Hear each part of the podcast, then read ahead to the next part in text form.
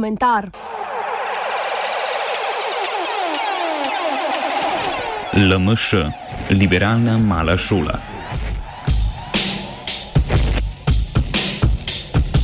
Marjan Šarec je najbolj priljubljen politik pri nas. Prav ste slišali. Šarcu je po zadnjih javnomnenjskih anketah prvič uspelo prehiteti celo obličje sprave in smehov Boruta Pahorja. In ne samo to. Lista Marjana Šarca je po popularnosti prvič prehitela Slovensko demokratsko stranko. Upoštevaje že pregovorno spornost anket pri analizi preprosto predpostavimo, da merijo javno mnenje kot tisti konstrukt, ki je eno z mediji, ne pa vseh mnen v njihovi pluralnosti. Poleg tega pomislimo, da Šarcu samemu izidi kažejo na dobro izbrano taktiko samo predstavljanja, da so ankete njegovo merilo trdnega dela, to je uspešnega trženja svoje podobe in stranke pri, pri povpraševalcih njegove ponudbe.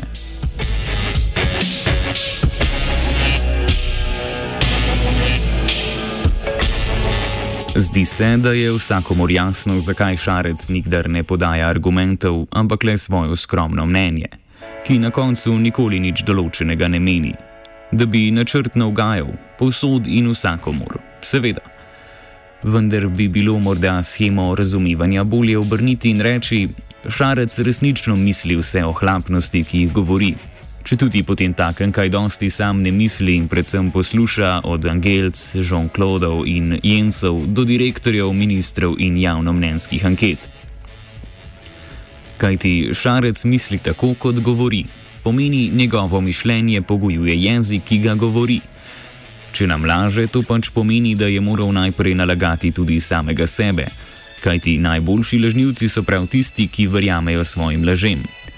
Če že od samega začetka ne predpostavljamo zlaganosti javne podobe funkcionarjev, črč da v zasebnosti mislijo nekaj popolnoma drugačnega od tistega, kar nam pravijo, se nam mora uspe, morda uspe izogniti enemu izmed problemov demokracije. Na tem mestu tradicionalno razumljene kot vladavine ljudi in ne zakonov. Če namreč nihče nikomor ne verjame in vsak zase misli nekaj drugega od tistega, kar govori, kako se potem sploh lahko karkoli dogovorijo? S pestmi?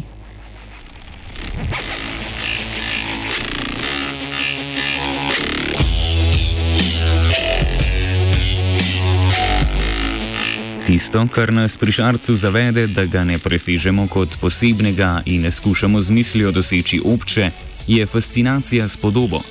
Nad tem, da se njegova stranka imenuje Lista Marjana Šarca, kot se je prej Cerarjeva imenovala stranka Mira Cerarja.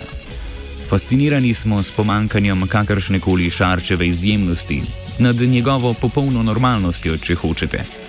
V tej fascinaciji tarnamo nad tem, kako se je to, čemu pravimo politika, s cerarjem in šarcem izpraznilo vsake vsebinskosti in zvedlo na golo formo. Kako da se je to zgodilo šele sedaj? Morda bi zaposlenost s posebnim ukinilo preimenovanje LMŠ, tako kot se je tudi SMC preimenovala v stranko modernega centra.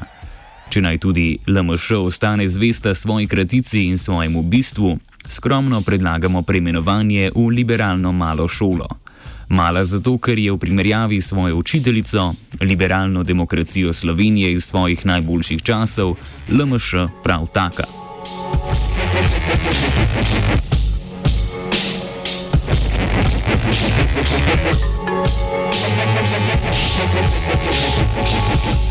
S preimenovanjem lahko priljubljenost končno mislimo onkraj analize posebnega Marjana Šarca in vidimo, da je Šarec tem bolj priljubljen, kolikor manj je. Kolikor manj je politik in državnik, in kolikor bolj je zgolj in samo tihi upravnik, ki povsem po avtomatizmu vidi rekorden proračunski presežek in v nobenem pogledu posebej radodarno drobtinice z mize pomete javnim uslužbencem, upokojencem, občinam, delavcem za minimalca in tako dalje. Kakor da vnaprej predvideva odprava vrčevalnih ukrepov, ni povsem samoumneven in predpolitičen pogoj za sobivanje državljanov, ki bi lahko zaupali, da je njihov posebni interes vsebovan v interesu države same in da so lahko šele v njej tudi svobodni kakor da bi se zadovoljili z bivanjem v množici posebnih interesov, brez zahteve po občem, ki se lahko udejani šele v državi. kakor da javno mnenje celotno področje političnega enači z vlado, ki davkoplačevalcem v zameno za davke tiho in hladno zagotavlja storitve. Šarec, kot kaže, uspešno poudarja tri primarna področja storitev: zdravstvo, gospodarstvo in varnost.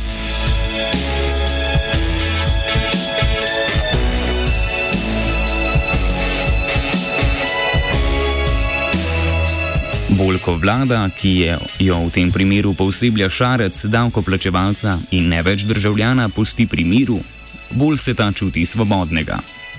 Marjan Šarec nam v svoji posebnosti razkrije obči problem liberalizma, ki ne pozna države, temveč zgolj družbo, politično družbo, bi rekel Lok.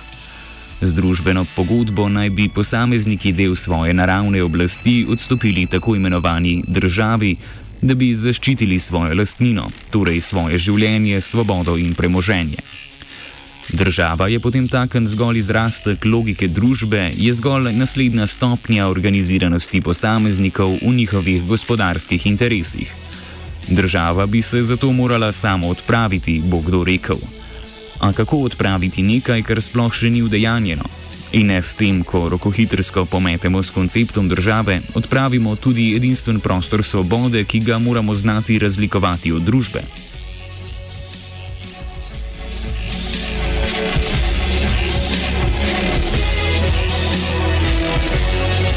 Moderno razumevanje politike in države je sicer nastalo v oporu proti absolutni monarhiji, ni zgolj simptom liberalizma, ampak pri njem le pride do najlepše do izraza.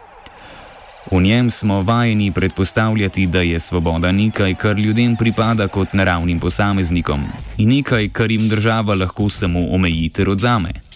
Treba je priznati, da ko državo enkrat izpeljemo iz pogodbe med posamezniki, torej njihove minljive svobodne volje, ta nima več lastnega obstoja in smotra. Potem ne preostane nič lažjega kot njena odprava. A če bi bila svoboda res samo last posameznika in ne nekaj, kar šele nastaja med ljudmi v skupnem političnem prostoru, mar ne bi potem vsaka oblika ustavne ureditve razpadla v izoliranosti posameznikov v istem trenutku, ko bi bila zapisana na papir?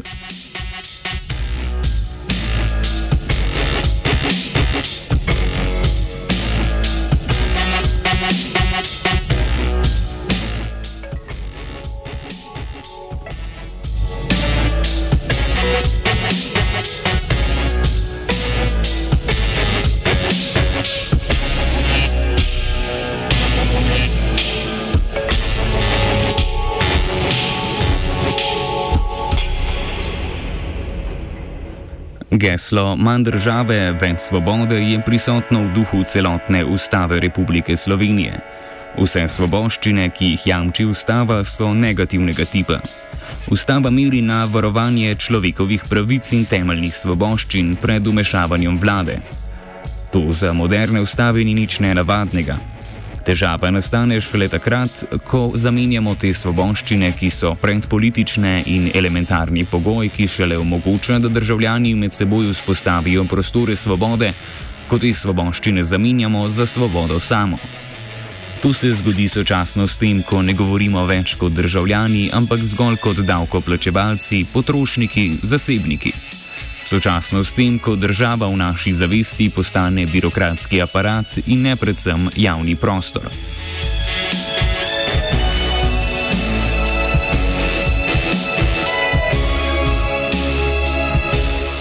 To, kar počno policisti z migranti na južni meji, ko jim ne pustijo niti zaprositi za azil, je mogoče le tedaj, kadar so človekove pravice nekaj, kar velja, velja zgolj za formalno že državljane Slovenije.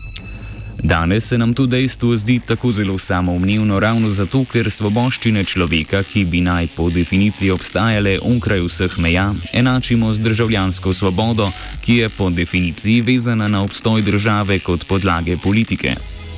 V tem pogledu sodita liberalizem in konzervativizem tesno skupaj. Ne na zadnje ustava zunani vir svoje veljave črpa prav iz dejstva, citiramo, da smo Slovenci v večstoletnem boju za narodno osvoboditev izoblikovali svojo narodno samobitnost in uveljavili svojo državnost. Ko se zgodi, da svojo državnost vežemo na narod, ne pa na skupen prostor, v katerem smo kot državljani med seboj enakovredni, smo le še pol koraka od izključitve neslovencev iz naše države, ki je dejansko družba. Dojetje državnosti kot skupka nacionalnega interesa je več kot analogno njenemu dojetju v obliki organiziranega gospodarskega interesa. Pri obeh vrstah državnosti, onkraj spremenljivih interesov in volje posameznikov, ne obstaja drža, ki bi državo imela za podlago in smoter v vsakdanjem življenjskem položaju. Šele kolikor smo kot državljani zmožni užiti javno svobodo, šele toliko lahko človekove pravice omogočimo tudi vsem ljudem brez nadaljnih določil. In jih na to tudi sprejmemo medse kot državljane.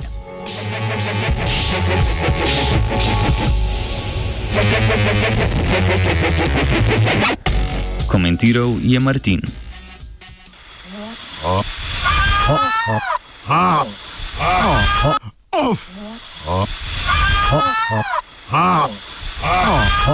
comentar.